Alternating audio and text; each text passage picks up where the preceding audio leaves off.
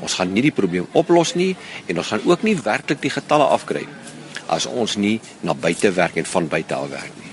Ons moenie dat die dief in die huis kom as hy klaar alles gebreek het en klaar goed gevat het en dan die dief probeer teengaan nie. Ons moet proaktief wees in elke moontlike sin.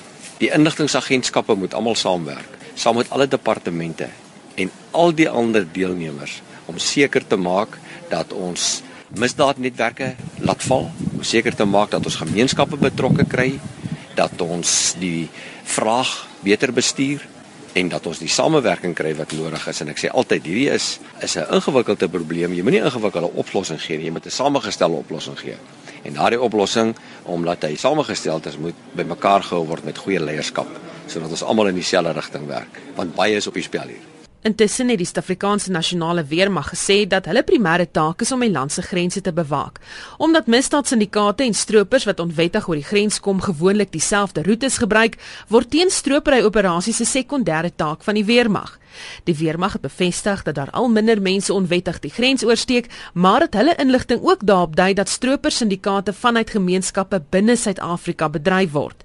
Luitenant-kolonel Rudolf Charles, die bevelvoerder van die 14 Suid-Afrikaanse Infanterie Bataljon wat tans in die Wildtuin werksaam is, sê die weermag is daar om 'n ondersteunende rol te speel vir die polisie en sandparke. Die primêre taak is grensbewaking en uh sekondêr is wel ek het 'n company basis wat in Sandrivier lê.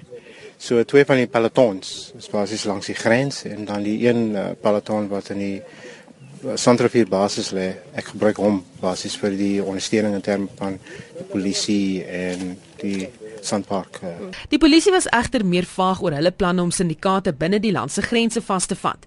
Kolonel Nichamisi, die bevelvoerder van die gesamentlike operasies beheersentrum, sê hulle fokus primêr nog op dorpies wat langs die landsgrens geleë is.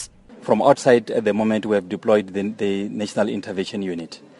The National Intervention Unit is working with the police stations that are situated along the borders. We have got the social crime prevention. The social crime prevention is being coordinated from different stations with the NIU and other role players in the park. That is where now the sensitization in terms of what is happening in the park when it comes to the rhino poaching comes in. So that our community should know exactly what is going on, what is happening. Because without the involvement of community, we cannot win this war. There's, there's no way.